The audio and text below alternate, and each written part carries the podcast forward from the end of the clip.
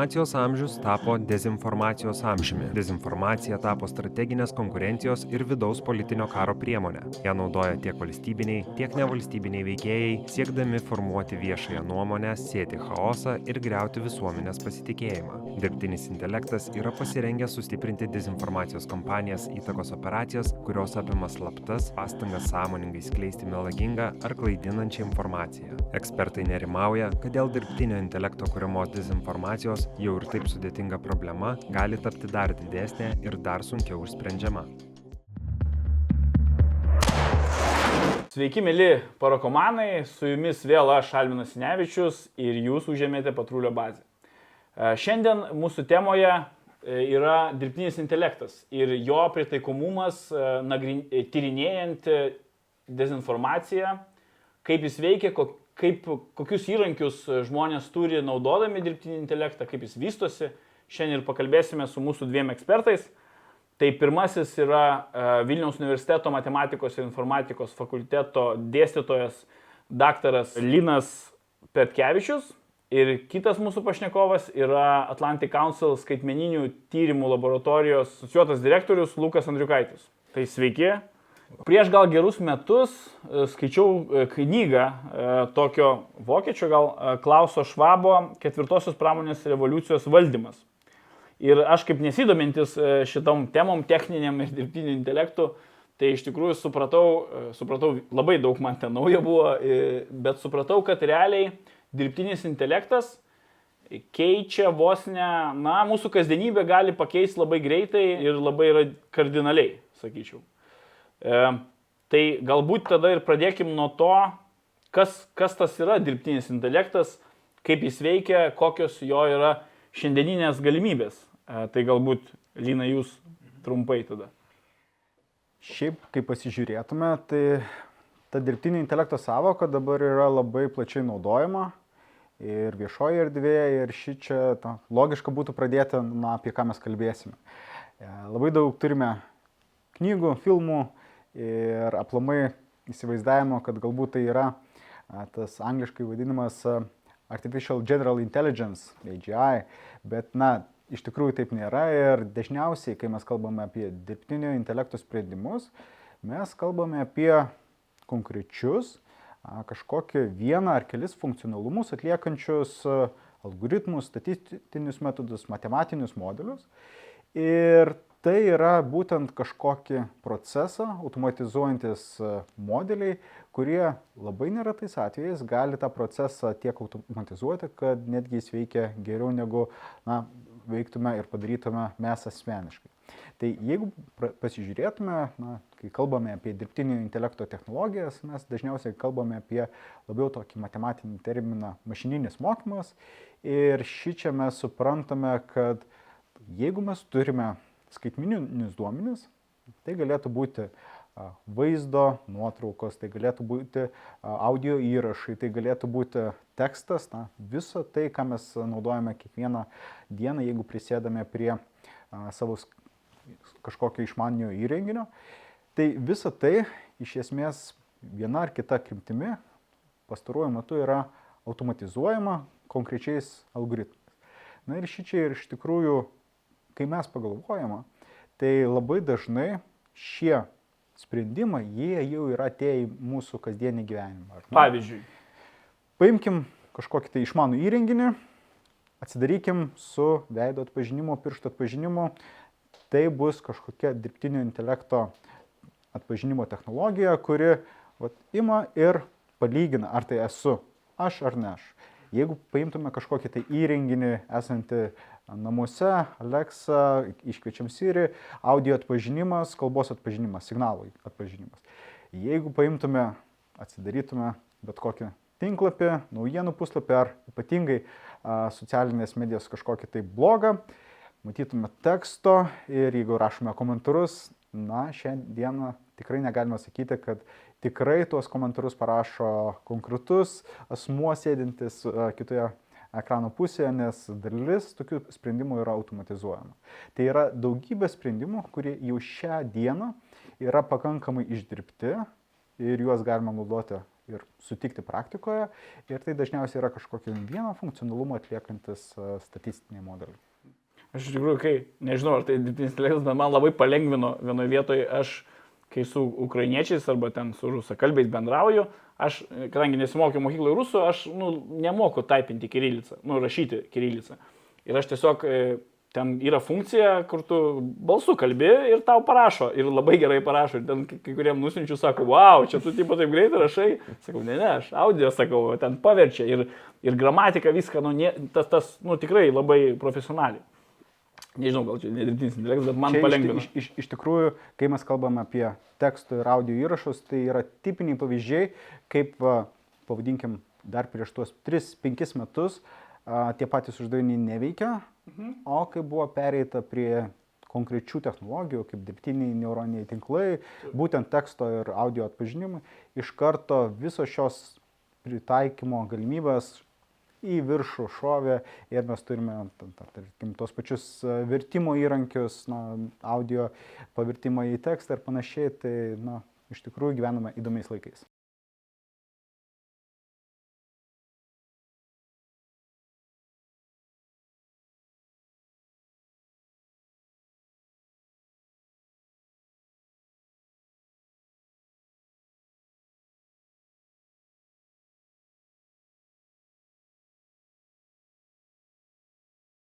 Dabar dalykas. Labai geras pastebėjimas, nes iš tikrųjų uh, deepfake tai yra toksai turbūt labiausiai sexy topic. Kas tai yra?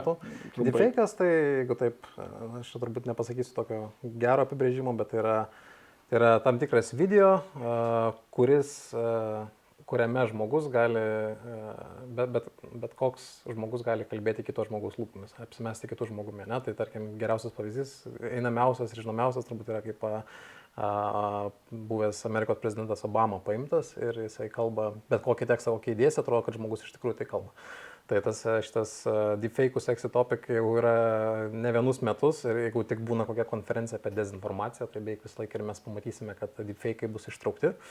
Uh, nors iš tikrųjų iš praktinės pusės, kiek man teko uh, susidurti su, su dezinformacija per, per paskutinius penkis metus, tai deepfake vis dar nėra Netrendina dar. Nėra tokia didelė problema, kaip ją bandoma pristatyti. Pristatoma kaip idėja, kuri tikėtinai kažkada ateityje gali sukelti uh, daug problemų. Ja labai lengva suprasti, kaip aiškinti žmogui, na, kad uh, galima paimti bet kokį žmogų ir įdėti jo lūpas bet kokius žodžius ir niekas nesupras, uh, kas iš tikrųjų kalba. Bet praktikoje aš turbūt neduočiau nei vieno pavyzdžio, kada tai buvo panaudota tikslingai dezinformacijos kampanijoje ir tai pavyko. Kur kas einamesni dalykai šiuo metu yra, kur pritaikomas dirbtinis intelektas, ir kas mums kelia daug galvos skausmų, tai yra veidų generavimas. Tai mhm. dirbtinio intelekto sugeneruojami veidai, kuriuos gali randomizinti kiek nori, paspaudi mygtuką ir tau išmeta, išmeta žmogaus veidą. Ir jis atrodo pakankamai įtikinamai ir kuo toliau, tuo jis atrodo įtikinamiau. Ir dezinformacijos sferoje dažniausiai yra naudojami kaip profilio nuotraukos. Bet jie yra sukurti, nėra Taip, tokio realaus žmogaus. Tokio žmogaus nėra ir tas daro keblumus, ne? nes uh, prieš bent praėjusius kelis metus vienas pagrindinių būdų, kaip atpažinti netikras anketas, buvo tikrinti jų nuotraukas. Dažniausiai nuotraukos būdavo vagiamos, ne? tai būna paima iš kokio taip. nuvogia visą profilį, įmeta į Facebooką ir pasikeičia vardą ir atrodo kaip tikras žmogus, nors iš tikrųjų, iš tikrųjų profilis vokas. Uh, Bet kai sugeneruoji nuotrauką nuo nulio, kai, kai nėra, nėra kaip jos pasigūglinti, reverse image searchinti, tai iškelia tam tikrų problemų. Tai ir, ir to kas, image searcho padaryti. Jo, nėra, nėra kaip padaryti, nes tai yra visiškai uh, beveik norm, normaliai atrodantis žmogus. Uh, ir nėra jokios informacijos apie jį. Tai kelia šiek tiek galvos skausmų ir nėra labai gerų būdų, kaip, na, kaip tą tikrinti. Kol kas mes ganėtinai mhm. tokiais manualiniais dalykais užsimam, kur ieškom netitikimų, yra tam tikros dalys nuotraukos, kurios a, problematiškiau yra generuojamos, tarkim, jeigu atkreipsime dėmesį į akinius,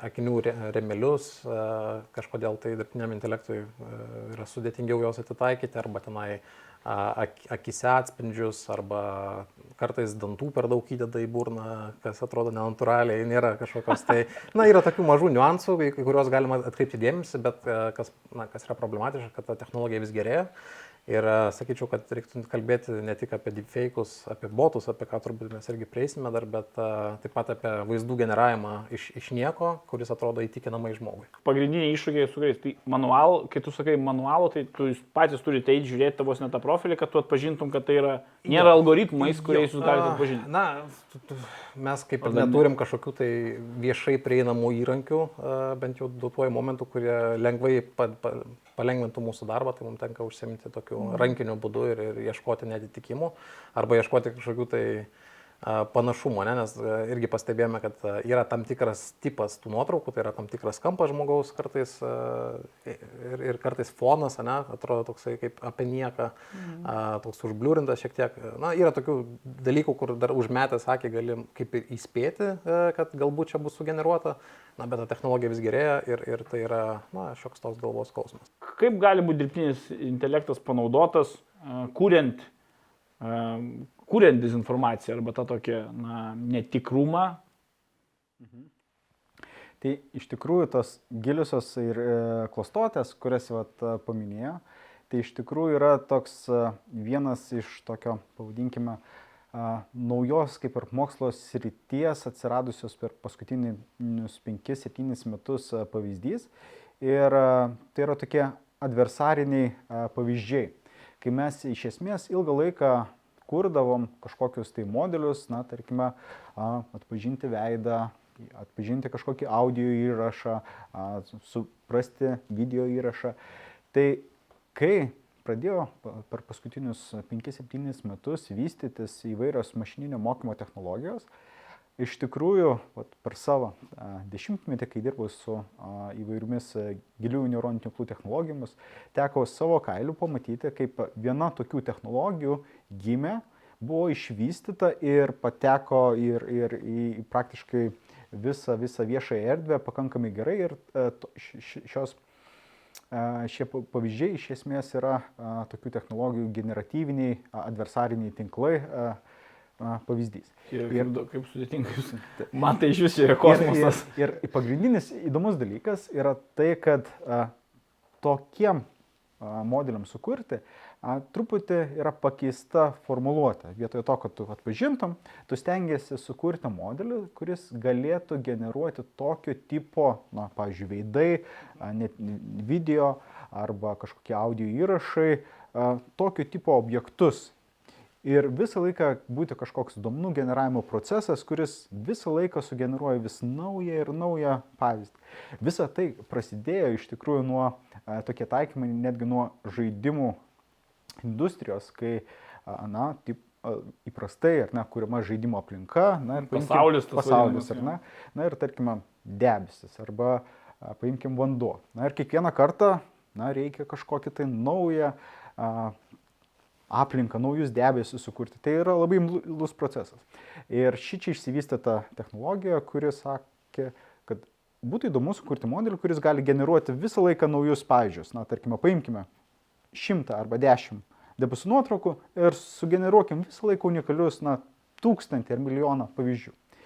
Ir ši čia aš paantrinčiau, kad jeigu dar su vaizdais mes galime identifikuoti, aš matyčiau labai didelę problemą su tekstu. Ir ši čia problema yra ta, kad su visom mašininio mokymo technologijom atsirado toks, pavadinkime, taikomumas ir papildomos funkcijos, kurios įgalintos atrasti kažkokią semantinę informaciją ir suprasti, kas yra skaitmininiuose duomenyse. Pavyzdys galėtų būti ilgą laiką na, jeigu paimtume kažkokius tai botus, kurie, na, tam rašydavo, tarkime, žinutės socialinėje medijoje. Būdavo taip, kad, na, yra kažkokia tai aibė pasisakymų, na, tarkime, kad ir šimtas tūkstantis, kad ir dešimt tūkstančių, na, bet tu ilgainiui gali atspėti, kad ten yra kažkoks botas. Su visais tais adversariniais modeliais atsitiko toks dalykas, kad atsirado galimybė ištraukti semantinę informaciją.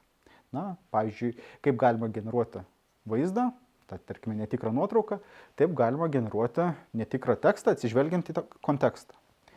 Ir ši čia ta labai milžiniška problema yra tai, kad kai tu generuoji naujus pavyzdžius, na, tu jų gali prigeneruoti, tarkim, šimtą tūkstančių. Bet Negana to, tada kyla klausimas, kaip atrinkti tą informaciją, kurios tau reikia. Tarkime, turi šimtą tūkstančių sugeneruotų pasisakymų, na, tarkim, kažkoks socialinėje medijoje. Norėtum automatiškai papublikuoti. Ir ši čia, kai yra ištraukiama semantinė informacija, tada gali palyginti tekstą pagal semantinę informaciją. Ką tas reiškia? Jeigu mes kalbam apie dezinformaciją, gali pasimti kažkokį tai politinį naratyvą, gali pasimti e, įžeidžiantį kažkokį naratyvą, gali paimti e, kažkokias asmenų teisų problematiškas, kurios yra erzinančios, kiršinančios ir automatiškai, na, kelių sekundžių ar net iki sekundės a, užtrunkančio proceso a, veikimo metu palyginti ir surasti tarp, tarkim, šimto tūkstančio sugeneruotų tekstų tą, kuris yra artimiausias tavo naratyvui ir jį automatiškai paskelbti. Ir ši čia, kadangi tekstas atrodo labai saliginai na, tikroviškas, nes na, tekste dažnai būna ir patys padarome klaidų, tai tekste sunkiau pastebėti kažkokius netikslumus, bet jeigu tu vedi automatizuotą pokalbį, identifikuoti pirmiausia, kad tai yra sugeneruotas tekstas yra labai sudėtinga, o bet iš kitos pusės yra labai lengva generuoti tą tekstą norimų naratyvų ir ši čia yra tokia na, viena pagrindinių problemų, kurią aš matyčiau, na, tokia sudėtingiausia. Bet tai netgi techniškai atsirenka tas iš tūkstančio kažkuris tinkamiausias, kuris yra ten rašomas komentarė. Taip, kaip pavyzdys galėtų būti, na, paimkime tą gerąją taikymo pusę. Na, ten mes pasiemam a, kažkokią tai lietuvių ar autorių arba anglų autorių ir pradėjome generuoti tekstą, kuris yra panašus į to autoriaus kūrybą. Tai mes labai nesunkiai galėtume sugeneruoti a, naujų kūrinių, ta, pavadinkime, stilistika, a, semantinė prasme, labai panašių, kaip rašo tas autorius.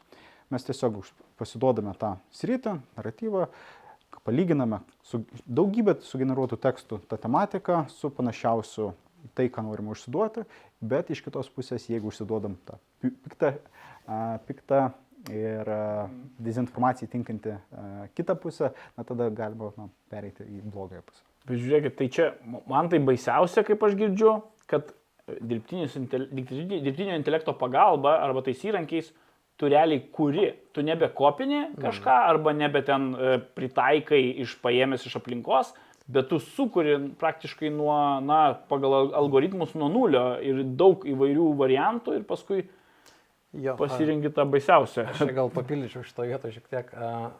Prieš kelis metus, dar kai tik tai pradėjome tyrinėti botnetus, apskritai aprašinėti, kaip jie veikia, tai matydom tam tikras veikimo schemas. Tai generuoti tą turinį, na, bent jau matydavosi iš pačių žinučių, kad tai nėra taip sudėtinga. Turbūt mums atrodo, kad maždaug pad, būna padaromi vos ne kelių sakinio dalių duomenų bazelės ir pakank, atitinkamai nuo temos generuojama. Ne? Tai tarkim, jeigu tai nukreipta prieš vakarus, tai paimam daiktavardį, žinai, Ameriką, tada veiksmažodį žudo ir tada kažką žudo civilius, dar kažką, dar kažką. Ir tokie gan elementarūs, elementarūs žinutės, komentarai, na, tikrai galima būdavo atskirti, kad pakankamai nesudėtingi algoritmai tiesiog generuoja uh, generuoja sakinius. Tai, tai tai būdavo pakankamai paprasta, bet matome, kad e, viskas sudėtingėja ir darosi sudėtingiau. Na ir didžiausi iššūkiai, kuriuos mes matome ir, ir kuriem turbūt bus sunku pasiruošti. Tai ta geroji, tos gerosios technologijos, kaip, kaip Linas ir minėjo, kuomet paimamos geros technologijos ir jos šiek tiek paverčiamos blogiem dalykam, Tai uh, turbūt visi esame susidūrę su chatbotais, ne? kuomet uh, nori per messengerį parašyti kokiai parduotuviai arba bankui ir, ir tau reikia kažkokios paslaugos, tai pirmą turi pereiti per uh, tą kankinę, kol, kol, kol, gausi, kol gausi žmogus. Aš tai negaliu, pakankamai. negaliu iškentėti jų. Taip, taip, bet jie, jau jie dabar yra, pakankamai, jau prieš kelis metus buvo pakankamai neblogi, dabar jie darosi vis geresni ir, ir sugeba vis prailginti tavo laiką iki kol gausi tikrą, tikrą konsultantą. Uh, Tai manau, kad problema ateityje ir, ir, ir tą mes, to mes šiek tiek prisibijome, kuomet dirbtinis intelektas ne tik generuos žinutės, bet galės komunikuoti. Kuomet tai, tai bus ne tik generavimas teksto, bet tai bus komunikacija. Kuomet galės įsivelti su jais į pokalbius. Ir jeigu tai na, jeigu tai vystysis ir toliau, tai su to bus pakankamai sudėtinga kovoti. Pa- Pavyzdžiui, kokiam Facebook'e arba Instagram'e bus daugiau e, botų negu realių žmonių netgi, na, po kokių dešimt metų. Aišku, čia priklausys ir nuo, nuo socialinių tinklų Nu, nu, taip, ir taip. jų kontrolės, bet įsivaizduokime, kad nuėjus po Delfio, į Delfio komentarus, kuomet dabar yra tiesiog spjaudimas į vieną pusę daugiau mažiau, kuomet galima bus su kiekvienu iš tų trolių, kurių dauguma bus galbūt ir netikri, įveltis į diskusiją ir atrodys, kad vėliesi su tikru žmogumi. Tai čia turbūt yra nemažas, nemažas pavojus ateičiai. Vis tiek kažkaip va, tą gerą daiktą paverčia blogu, bet tai dar yra ir tas geras daiktas, vis tiek jį galima geru, ge- ger, geriem tikslam išnaudoti. Jūs savo darbę naudojate dirbtinio intelekto įrankius, na, kovoti su dezinformacija, pat pažinti ją. Mes turbūt, na vėlgi, kaip, kaip plačiai imsim tą dirbtinio intelekto apibrėžimą. Už mus dirbtinis intelektas darbo dėja nepadaro, nors būtų labai gerai. Mes, Kol kas. Kol kas. Būtų, būtų gerai, jeigu ir padarytų. Ką jis mums kol kas padeda padaryti, tai atsirinkti, atsirinkti informaciją. Jeigu įvairių filtrų pagalba galime bandyti užčiopti tas informacinės atakas, informacinės kampanijas, jeigu, jeigu gerai nusistatom, ko ieškom. Tai čia tokia, turbūt geriausias pavyzdys, tai mūsų komerciniai tokie įrankiai, socialinių medijų pasiklausimo įrankiai, kuomet pagal tam tikrus raktažodžius, ta- pagal tam tikras užklausas yra skanuojama di- didelės, dideli kiekiai informacijos. Ir na, mažinama pa- pačio tyrėjo darbas yra pagelbėjimas tuo, kad daug informacijos yra peržiūrima greitai ir mums pateikiama labiausiai pavojinga informacija arba tai, ko mes tikimės, kad, kad rasime. Ne? Tai tokiu būdu yra gelbėjimas ir saugomas mūsų laikas ir, ir vis mažiau a, tyrėjų reikia atlikti tų manualinių užduočių. Techninių. tokių- Jo, techninių. techninių. Taip, taip, taip. Tai yra įrankiai, tai jie vis tiek yra kažkokios programos iš principo. Ne? Jo, jo, ir vėlgi aš taip galbūt drąsiai nevadinčiau uh, dirbtiniu intelektu, man, man jie daugiau algoritmai, paieškos sistemos, uh, aišku, tai turbūt žinoma paremta tuo, uh, tuo paremta, bet, uh, bet Bet tai veikia efektyviai. veikia Kol gan, kas. gan efektyviai. Uh, kitas geras pavyzdys, ką mes naudojame, uh, yra tokia programa EcoSec, kuri šiaip atlieka tokią funkciją, kad padeda mums ieškoti pagal geotagged tą, tą datą, jeigu, jeigu parašomas, tarkim, Twitterio postas kažkokioj tai vietoje, pri, prikabinamos koordinatės, tai mums leidžia ieškoti kažkokioj konkrečioj geografiniai erdvėjai uh, socialinių medijų postų. Tai labai patogu, nes tarkim, ne, įvyksta, kaip pavyzdys, įvyksta vasario 16 a, minėjimas, ten įvyksta kažkokie įvykiai ir mums įdomu, kokie žmonės arba kokia informacija buvo paustinama būtent toj geografiniai erdvėjai, tarkim, aplink signatarų rūmus. Ne? Tai mes galim pasižymėti ir pažiūrėti, kokiu metu išmeta a, tam tikrus Twitterio postus, Facebook'o postus ar kažką tokio. Tai tokiu atveju, na, taip veikia maždaug šitas įrankis, bet yra ir tam tikri dirbtinio intelekto filtrai, pagalba, kurios, kuri taip pat gali skanuoti pačius vaizdus ir atpažinti vaizdus, ką, ką mato.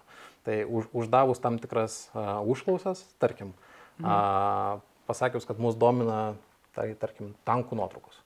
Kiekvienas iki atpažinęs tą nuotrauką, programa atpažinus ją kaip tanką, mums toj konkrečioje erdvėje, mums duos signalą, kad turbūt šita nuotrauka yra tankas, jūs turbūt domina. Tai mums irgi palengvina darbą tokiuose, a, tokiuose vietose, kaip tarkim konfliktų stebėjimas. Mes panašius dalykus dabar kaip tik darome Ukrainos pasienyje. Kažkoks yra e, saitas, žinau, apie vat, Ukrainos, aš nesiniai žiūrėjau, ten rodo irgi, vat, kur, kažkur soc medijai pasirodo, ten ar Twitteryje, ar, vat, kaip tu sakei, ar, ar Instagram'e vaizdas, kad kolona kažkokia juda ir iš karto yra žemėlapis, kur iš karto susiję, nu, aplink Ukrainą taip. Ukrainos, kur susiję su tom vietom ir tu gali matyti netgi persidislokavimus, na, aišku, jeigu viešai tai paskelbė kas nors e, soc tinkluose, Taip. tu gali ma- matyti, kaip telkėsi va, tos Rusijos paėgos. Čia turbūt ne- nesu tikras, ar apie tai kalbėjau, bet turbūt apie Live UA Map. Jo, apie šitą. Labai Taip, taip. puikiai programa, mes ją naudojam, bet a, kiek man yra žinoma, tai yra grinai toks techninis darbas, kuomet tyrėjai galbūt pasiteldami ir tą geotag data, ne, tos a, prikabintus a, gali, a, galimai koordinatės, bet daugiau tai yra manualinis. Perskaito, perskaito komentarą, parašyta Kramatorskas ir deda tašką ant Kramatorsko ir maždaug to erdvė. Bet, bet iš principo toks dalykas, toks Taip. puslapis galėtų veikti ir paremtas. Taip. dirbtinio intelekto kažkokiais įrankiais. Taip, būtų puiku, bet daž, dažniausiai kita problema mums kaip atvirųjų šaltinių analitikams yra, kad visi geresni įrankiai dažniausiai yra mokami. Ir mm. jeigu kažkas sukuria kaž, kažką gero paremtą dirbtiniu intelektu, dažniausiai reikia mokėti už prenumeratą ir nemažus pinigus tam, kad galėtumėm gauti prieigą prie to. Jau dabar e, dažnai soc tinklai, e, soc medija nu, nesusitvarko su to, su to turinio valdymu, identifikavimu, e, tiek dezinformacijos, tiek ir, ir, ir smurto, vat, įvairiaus turinio susijęto su smurtu. Ir, ir kokia yra dabar esama situacija su dirbtinio intelekto reguliavimu, kas liečia soc mediją, soc tinklus ir, ir kaip, tas, kaip galbūt galima spręsti e, dirbtinio intelekto pagalba šitos dalykus.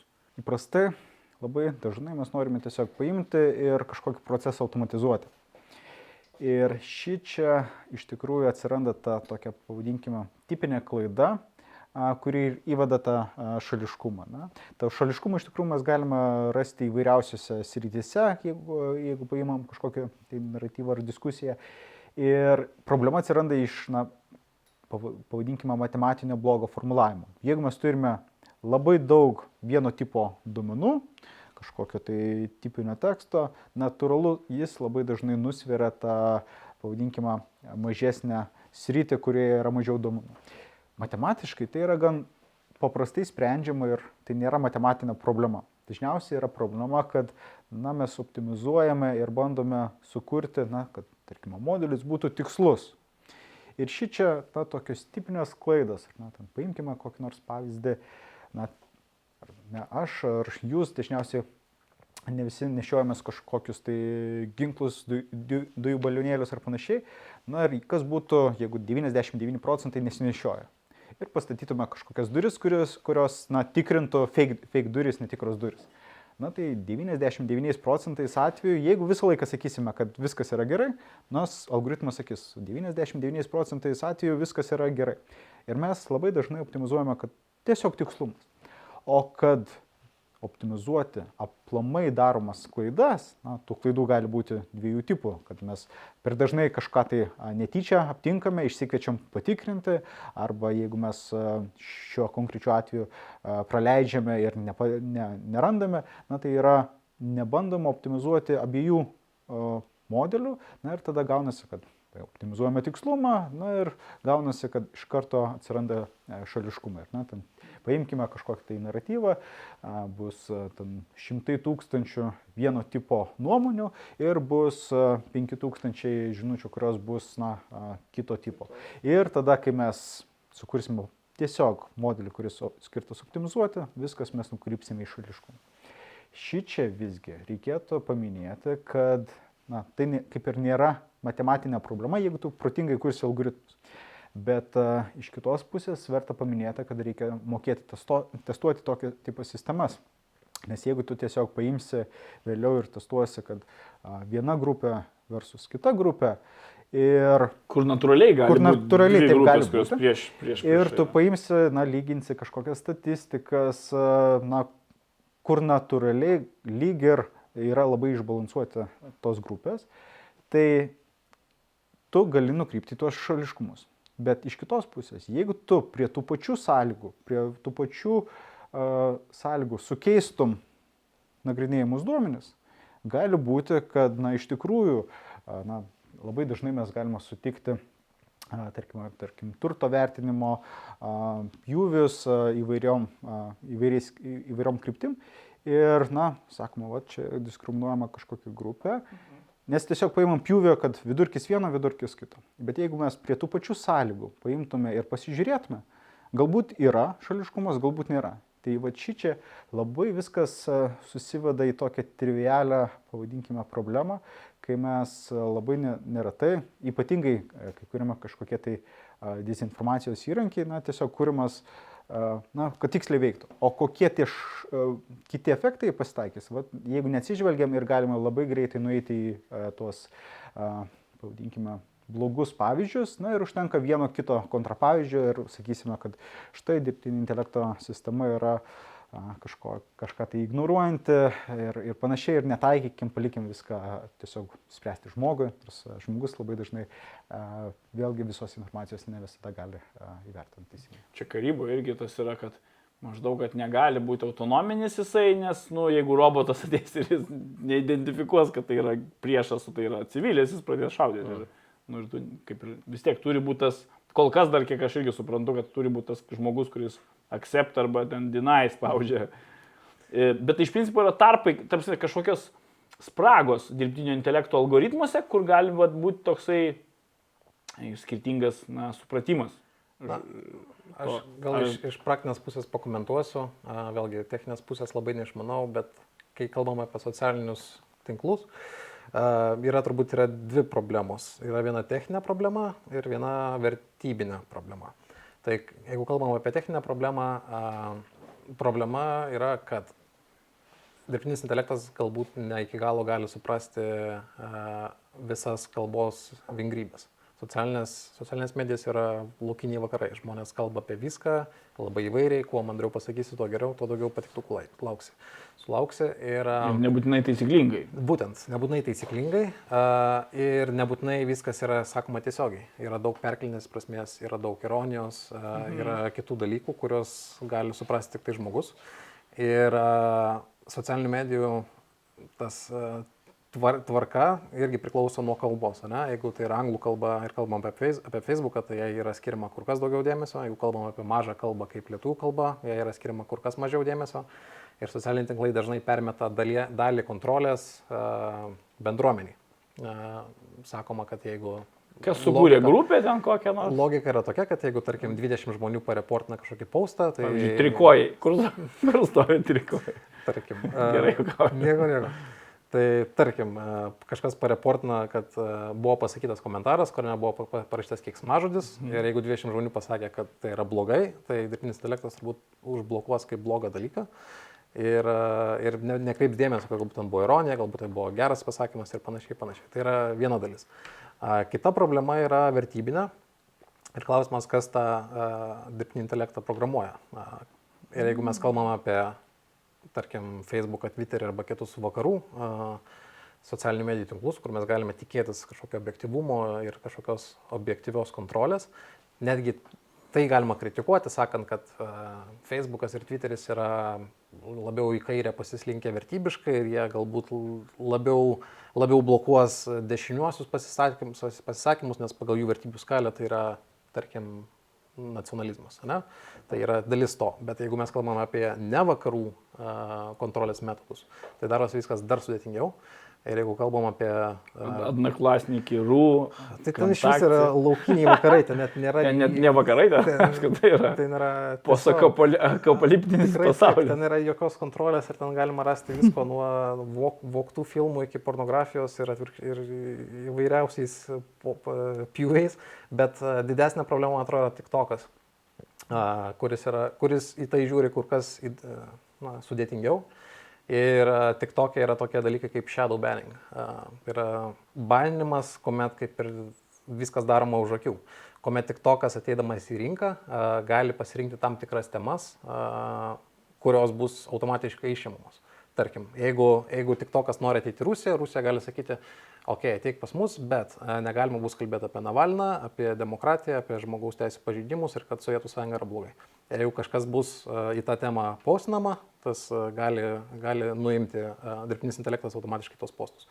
Tai čia kaip pavyzdys, aš nesakau, kad tokie filtrai Rusijoje yra, Oho, bet, bet čia... logika yra tokia. Tarkim, čia tik todėl, kad tik tokas kinų, čia todėl. Todėl, kad jie už to stovi ir jie gali daryti, ką nori, nes tai yra jų socialinė mm. platforma, jiem negalioja demokratinės vertybės. Tai tarkim, jeigu Taivanas... Pavyzdžiui, Kinijoje tu, jo, ant Taivano užtums arba sakysi, kad komunistų partija, Kinijos komunistų partija yra bloga. Tai Taivanas, Tiemenis ir kiti dalykai ir jos galima taip per daug nesitsatkinant padaryti shadow banningą. Tiesiog tie postai dings. Tu kaip ir paspostinį, tu galvoji, kad jis jo, yra matomas, bet iš tikrųjų jis nematomas. Ir gali, jo, ir gali jų tiesiog, gali jų tiesiog nebūti. Tai aš išvelgčiau tiek techninę problemą, tiek vertybinę problemą ir vėlgi dirbtinis intelektas yra tik įrankis tiek ten ir ten, bet... Tai iš principo vis tiek kol kas už visų algoritmų, už visų dirbtinio intelekto stovi žmogus, kaip, kaip ne kaip. Ne? To mes dar kol kas bent jau jis nesivysto pats, ten kaip per filmus būna, kad dirbtinis intelektas pats vystosi toliau. Na čia klausimas, Lino, aš nežinau, iš tikrųjų. Lina, ar gali būti taip, kad e, dirbtinis intelektas vystysis pats savaime, progre... na kaip čia,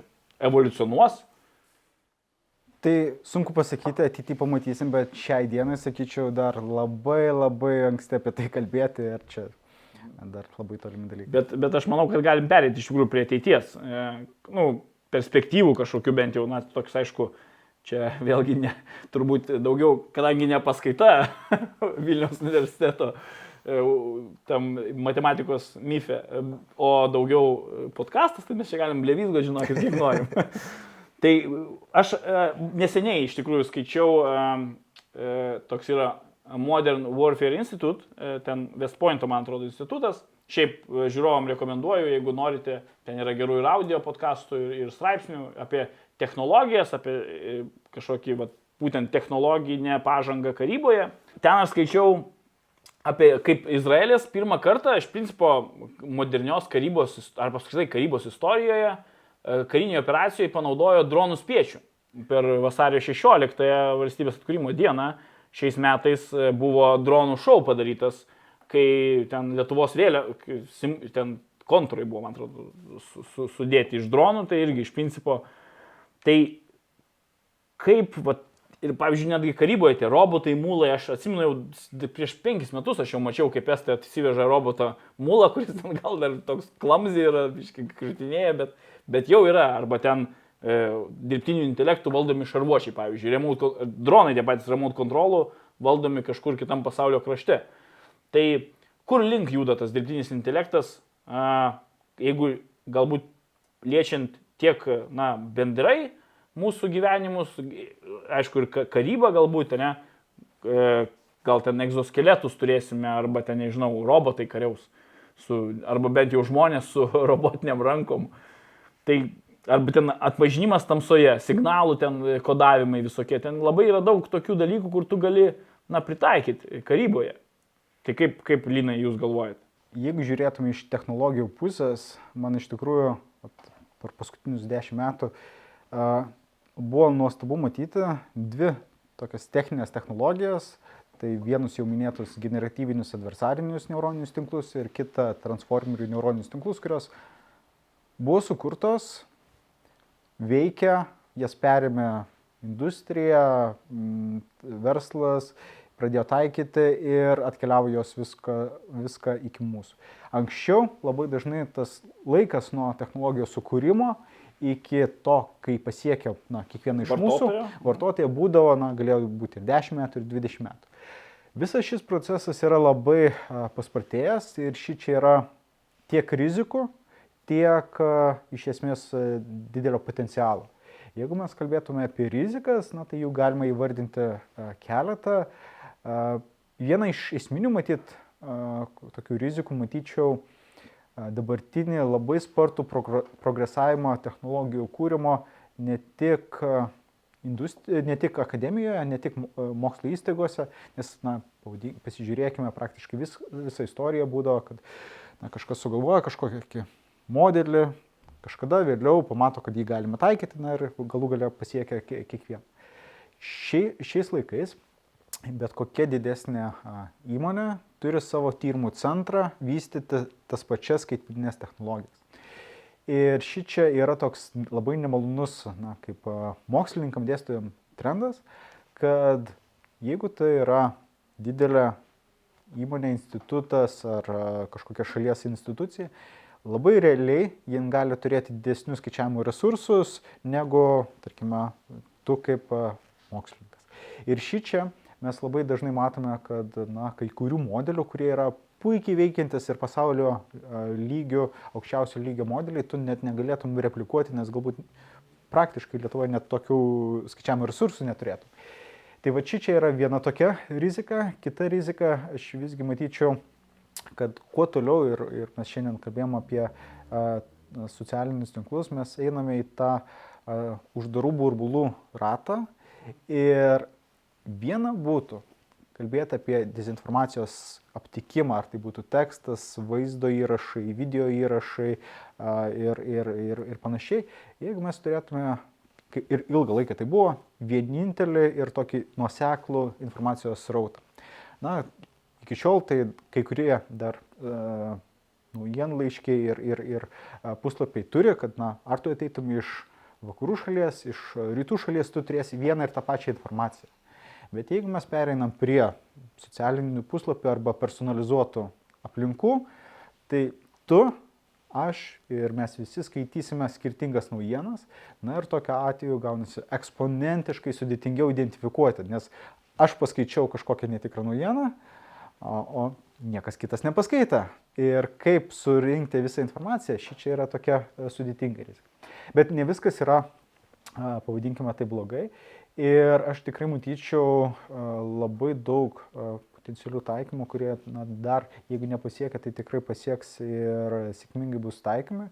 Kaip geriausias pavyzdys galėtų būti, mes dabar kalbame apie įvairią skaitmininę informaciją. Ir kaip pavyzdys, ta pati pandemija, jie privedė prie to, kad na, turime transliaciją. Tai galėtų būti Zoom transliacija, Team transliacija, Skype transliacija ir panašiai. Na, anksčiau visą laiką... Skype'as dar gyvas? Atsiprašau. Kaip pavyzdys. Na. Tai visą laiką būdavo, kad na, turime kažkokią informaciją, tarkim, vaizdą, na ir ją bandome suspausti, viską persiųsti, po to par parodyti. Na, bet tarkime, turime a, milijoną pikselių ar 10 milijonų pikselių, nu kiek tad gali suspausti, na, tarkim, 10. Ir su šitomis technologijomis mašininio mokymo atsirado atskiri įrankiai, kurie labai efektyviai gali, žinodami, kad, tarkime, sėdė dažniausiai vidutiniškai žmogus, suspausti dar geriau, suspausti šimtą kartų, tūkstantį kartų ir dar daugiau informaciją ir tu siunti informaciją ženkliai mažesnių formatų. Tai jeigu mes paimtume įvairiausius taikymus, įskaitant karybą, signalų siuntimas, dekodavimas tampa ženkliai sudėtingesnis, nes praktikoje informacija tokia kaip vientisa, na, ji jau nebėra siunčiama. Yra kažkokie modeliai, kurie suspaudžia informaciją į visiškai minimalų informacijos kiekį, persiunčia ir tada kitas modelis dekoduoja. Ir jeigu neturi vieno iš modelių. šitų modelių, na, tu esi tiesiog kažkokie atsitiktiniai signalai skraidžioje, labai sudėtinga identifikuoti. Visiškai taip pat yra su, pavadinkime, vaizdų analizės besivystančiais modeliais. Mes turime galimybę iš tikrųjų pasižiūrėti, kaip patobulinti atpažinimą. Bet jeigu paimtume kažkokius praktinius, praktinius poreikius, kurie na, būna ir e, karo laukia, pavadinkime, tamsoje prisireikia naktinio, naktinės regos kamerų, tu turėdamas algoritmus, kurdamas algoritmus, gali susirinkti na, įvairiausių situacijų jau prieš tai, kaip atrodo prie vienokio apšvietimo ryte, vakare ir panašiai. Ir turėti algoritmus, kurie išvalo triukšmus, padidina kokybę, padidina rezoliuciją, neleidžia turėti, pavadinkime, tų staigių apšvietimų, tai yra skaitmeniškai procesinami algoritmai, kurie iš esmės tave įgalina dar geriau panaudoti tuos taikymus, kurie yra labai aktualūs. Bet vėl... Šitai labai geras dalykas, nes dabar net, netgi pas mus stebėjom postai, jau būna su kamerom. Išsimėto mm. kamerą žmonės, ar miške, ar mieste. Mieste tai iš vis tu gali naudoti tas pačias kameras, kurios prisijungti su savo algoritmais prie kažkokių sistemų ir taip, taip rinkti informaciją. Nu, čia tikrai Aš, labai... E, visgi dar sugrįšiu prie vieno tokio galbūt nemalonaus taikymo. E, tai iš esmės mes kalbėjome apie tos netikrus, pavadinkim, pavyzdžius, kuriuos, nu, pavyzdžiui, veidus, kurie sugeneruojami ir jie nėra tikrai. Iš tikrųjų labai liūdna, bet e, tos technologijos vystosi greitai, yra tokių pavyzdžių, kai na, yra kuriami tokie vėlgi adversariniai modeliai, kurie leidžia tau užsidėti a, kažkokį tai dėmę ant savęs ir tipinis modelis, atpažinimo modelis, pradeda nebeveikti. Na, jeigu galbūt yra tekę matyti, paimami tipiniai žmonių atpažinimo modeliai, jie veikia ten puikiausiai ir uždarose erdvėse laukiau ir pilietis užsideda tokią maikutę su keliais simboliais ir viskas tu tampi nematomas. Tai šį čia iš tikrųjų, kai mes kalbam apie karybą, šį čia praktikoje labai tipinis panaudojimo būdas, tikriausiai nekartą kai bus įvairūs konfliktai ir pasimatys, kad šitos technologijos jau yra, tai vėlgi tas maskavimas. Mes ilgą laiką turėjom tokį fizinį maskavimą, na, kamufliažas ir panašiai, bet žinant, kad tavo atpažinimas šiuo metu yra vykdomas algoritmų, na, yra kiti tyrimai, kaip apgauti algoritmus. Tai va šį čia visą laiką reikia turėti šitą omenyje, nes gali būti, jeigu turėsi kažkokią sistemą, jie pasitikė, jie veikia ir ištestuota, ateis ta kritinė valanda, reikės naudoti ir tau ištrauks štai kažkoks naujas kamufliažas ir... Aš irgi, man iškart, kai jūs kalbate, aš galvoju, kad uniforma arba netgi jau toks link egzoskeleto kažkas, kai tu užsidedi ir kai tave nu, maskuoja nuo kamerų, nuo, nuo dar kažko ir tavęs net pažįsta na, aplinkoje iš principo. Ir netgi tie patys termovizoriai arba ten kokie, nežinau, dronai, kurie, ten, kurie kaip ir šilumą, tu galbūt tu blokuoja tau šilumą arba kažkokį kitokį signalą siunčia. Čia, nu, tikrai tokia būtų ja, atrodo, keistų. Ne, nesenas pavyzdys buvo iš Hongkongo protestų, kuomet uh, protestuojant, protestuojantį visuomenės dalis uh, maskavosi taip pat, kaip, kaip Linas ir sakė, kad uh, kameros net pažintų jų identiteto. Tai, man atrodo, įvairiais kvadratukais išsipieždavo veidą ar, ar, ar kažkurias dalis, tiksliai nežinau, kaip tai veikia, bet uh, tai buvo dalis, apie ką jie tikrai galvojo, kad, uh, kad pabėgti nuo tų veido atpažinimo technologijų, nes uh, kuo daugiau, tuo labiau, uh, ypač tokios šalis ir tokie miestai kaip Hongkongas yra stebimi video, video kamerų. Lūkai, tu pradėjai, kokius dar tu iššūkius matai, na, kokie, toj, va, ateityje dirbtinio intelekto, vat, savo toj veikloje su informaciniam, mm. informaciniai erdvėjai? Na, ko, ko labiausiai, kas labiausiai gazina? Labiausiai, labiausiai gazina mane netgi kaip ir vartotoja, tai sulaukti tos dienos, kuomet uh, nebegalėsi patikimai atskirti socialinį erdvėjį, su kuo bendrauji ir, uh, mm. ir netgi prakalbėjęs pusę valandos nesuprasi, ar čia robotas, ar čia žmogus, nes uh, pasižiūrėjęs į nuotrauką, nuotrauka bus sugeneruota uh, sugeneruota e, dirbtinio intelekto pagalba, visas profilio aprašymas bus sugeneruotas dirbtinė pagalba, surinktos nuotraukos, galbūt net sugeneruota ateityje bus nuotraukos su kitais neegzistuojančiais žmonėmis ir panašiai ir panašiai. Ir, žmo, ir tas, e, ta pati e, paskyra netgi sugebės su tavim komunikuoti kažkokią tai kažkokią temą.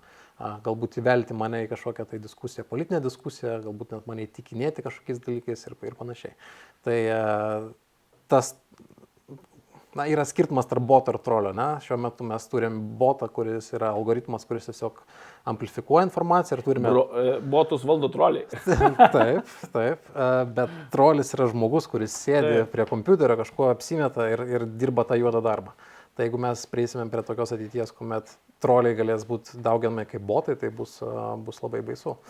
Na, o kitas dalykas, tai galbūt, kas mane neramina, tai kaip socialinės medijos toliau žiūrės į kontrolę pačios informacijos, nes vėlgi, kaip, kaip ir kalbėjau, šiek tiek aš turiu pasitikėjimo vakarų socialinių medijų kuriejais, kad jie tik, tikriausiai blogo nenori ir, ir bando tas problemas iš tikrųjų spręsti, bet yra ir kita pusė tų nedemokratinių valstybių, kurios taip pat sugeba sukurti socialinės medijas, kuriuose taip pat yra milijonai žmonių. Uh, Na ir kaip pavyzdys, jau dabar yra tokių pusiau anegdotinių pavyzdžių, bet aš jau pats pastebėjau iš vartotojų pusės tokių dalykų, kad savo netikroji tik toko paskyroje, skrolindamas dalykus, ieškodamas uh, rusų kareivių video prikiltų Ukrainos sienoje, pastebėjau, kad man karts nuo karto išmeta video susijusių su uh, kinų kariuomenė. Labai gerai padarytų video, kur pasižiūri, tokia kokia 30-40 sekundžių, kaip jie žygiuoja, kaip tenai lėktuvai skrenda, galvoju, blemba, gerai padarytas video. Bet tu neįsėkėjai nieko susijusio su, su, su kinų kariuomenė, nei ką, ne? bet uh, tas feedas, kurį tau gali paduoti, ir kaip Linas minėjo, kad jis yra, uh, na, kiekvienas žmogus gauna į kitokią, ne? kiekvienas feedas yra visiškai skirtingas. Ir jeigu už to stovi jėga, kuri bando tave kažko įtikinti, įtikinti arba sukurti tokį feedą, kuris būtų paveikus, ir mes net neįsivaizduojame, kaip veikia jų algoritmai, a, tai yra problema. Mes net neįsivaizduojame, kaip veikia Facebook algoritmai, a, kurie yra pakankamai, na, pačios institucijos yra a, atviros ir stengiasi bent jau daryti gerą. Kas vyksta tik tokia, mes neįsivaizduojame ir tai gali, gali judėti įvairiais, įvairiais keliais ateityje. Linai, ar mes toli esame vat, nuo to, ką Lukas sako, kad e, net pažinsime, ar mes bendraujam su robotu, su botu, ar su tikru žmogumi, ar, ar technologiškai mes dabar nuo šios minutės, nuo, nuo, nuo šiandienos toli esame ar ne? Technologiškai, sakyčiau, viskas jau šiandien yra. Dabar klausimas yra vienintelis, e, kiek e, yra skiriama resursų tam padaryti.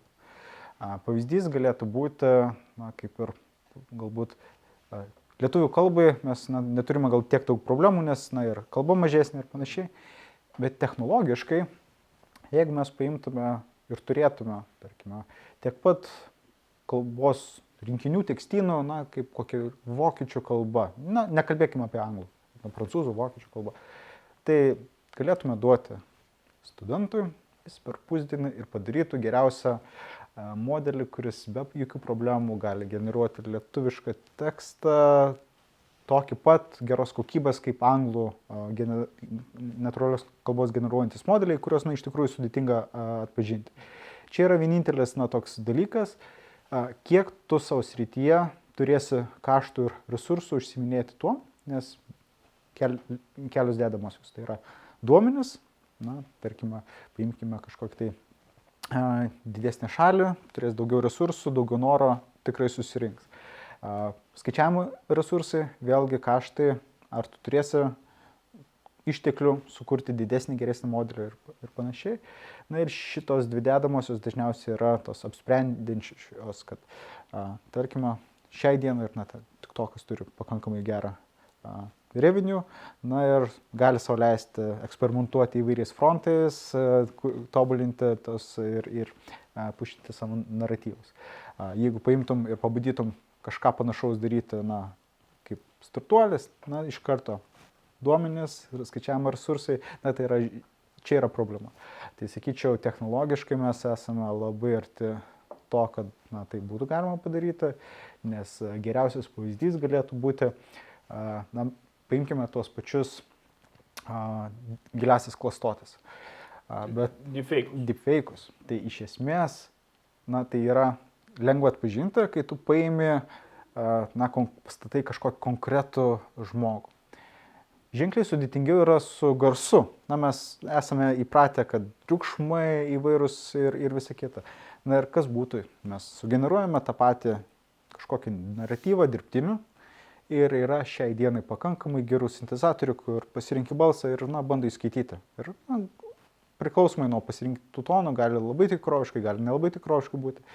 Bet ką, tu turėsi kažkokį tai video, kur nematysi veido ir turėsi įgarsintą. Dar kažkokie triukšmai bus. Ir ar tu gali būti tikras, kad ten nesugeneruotas, paimtas tikroviškas vaizdas, bet nesugeneruotas tekstas ir garsas. Na, mūsų ausis nėra tokia imli ir taip gerai atpaži negali atpažinti na, to pačio kalbėtojo, jo visų mm, niuansų, kaip na, mes pasižiūrime į nuotrauką, na, ten kažkur ausies e, kraštelis ar ten papildomas dantis. Tai va čia čia iš tikrųjų tų rizikų yra, bet technologiškai aš sakyčiau, kad na, mes jau dabar esame čia. Bet Linai, žiūrėkit, o tai vis tiek tas švietimas e, vartotojų arba, na, tas išsilavinimas skaitmeninis, kaip, jeigu galima taip pasakyti, nežinau, sugalvojau, ką tik. Tai ar jis padėtų mums e, išvengti tų, vat, kaip vartotojams, apsisaugoti nuo tų deepfake to pačio ar ten kitų technologijų ir dezinformacijos? Čia kaip ir su kibernetinio saugumo tematika, a, slaptažodžių a, edukacija, na, ne, nenaudojimas tų pačių slaptažodžių ir visi kiti dalykai, na, tai iš esmės turės anksčiau ir vėliau ateiti kaip ta edukacinė sistema, nes a, aš ne, nesu toks labai optimistiškas ir pasitikintis netgi vakarų demokratijos esančiose vat, socialinės medijos platformomis, nes vis tiek jos žiūrėdamos kaip verslas jos turi tikslą turėti pelną, revenue. Na ir tokiu atveju yra kūrimas algoritmas, kuris galbūt nedaug, bet truputį leis kažkokios dezinformacijos, bet jeigu vartotojas praleis ilgiau laiko, užsibūs toj platformoje, na tai gal iš tikrųjų iš, iš verslo pusės, na čia truputį bus tos dezinformacijos, bet jis vat, praleis ne valandą, bet pusantros valandos vienu prisidimu.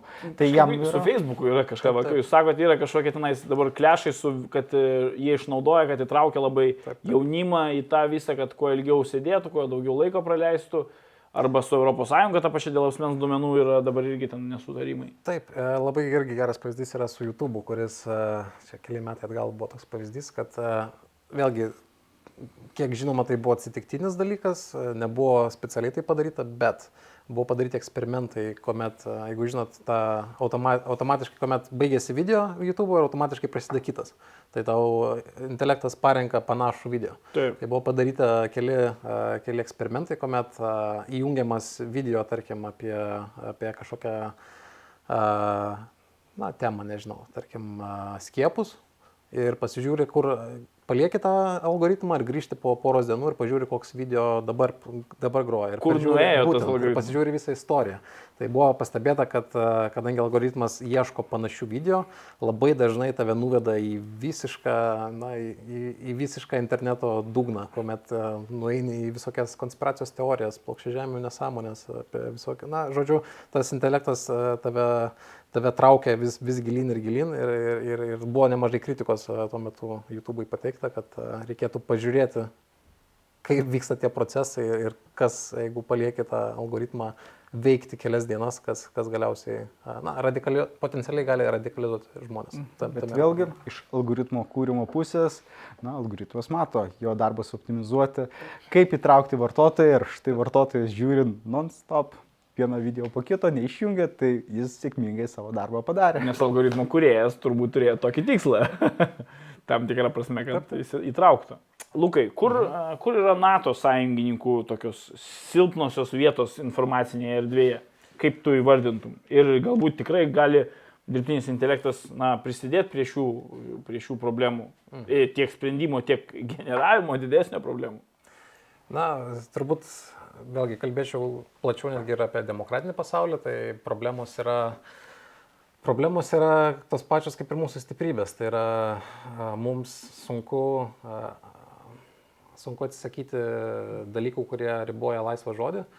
Ir a, kita pusė dažnai tuo manipuliuoja. Tai, tai, tai yra matoma su, su įvairiais, tarkim, pro, prokremliniais žiniasklaidos a, instrumentais, kaip a, Sputnik RT ir, ir visos kitos žinomos į, va, į vakarus orientuotos medijų priemonės dažnai e, manipuliuoja mūsų sistema, laisvė žodžiu, įsiregistruoja Europoje ir skleidžia tą dezinformaciją, pristatydami na, kitą, a, kitą nuomonę ir, ir, ir, šiek tiek e, kit, kitų požiūrių.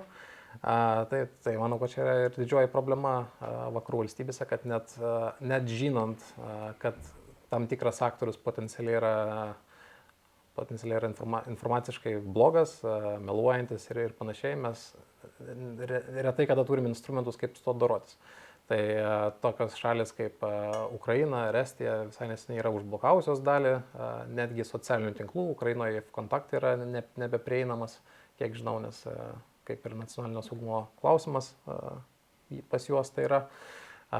Bet vakaruose, kokioje Švedijoje ar, ar, Didžiojoje Britanijoje, tai yra vis dar sunkiai įsivaizduojama. Tai ir grįžtant prie tų kitų visų klausimų apie socialinių medijų platformas, kuomet mes nežinom, kaip veikia jų algoritmai, mes tiksliai nežinom, kokia informacija, a, koks to algoritmų tikslas ir kokia informacija mums yra paduodama.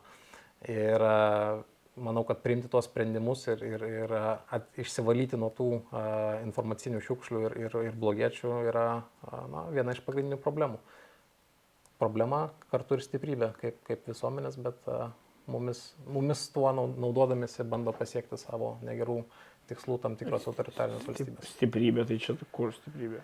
Na, stiprybė, kad... Mes a, leidžiam, kad Stiprybė yra laisvas Pliuralizmas, žodis, Pliuralizmas. nuomonės. a, Nuomonės, nuomonės pliuralizmas. a, Ir labai sunku tą ribą, kuomet už ką galima būti kritikuojama, už ką ne.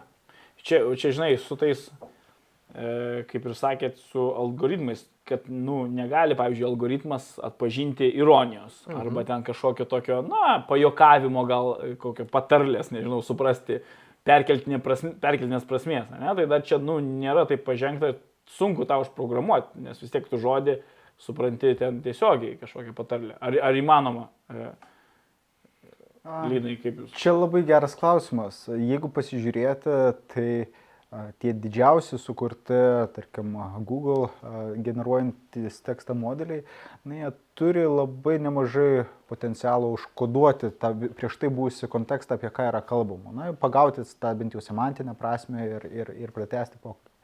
Bet e, iš tikrųjų, vėlgi, kai kuriami šiai dienai yra modeliai, tai jie kuriami iš na, to, kas yra internetuose.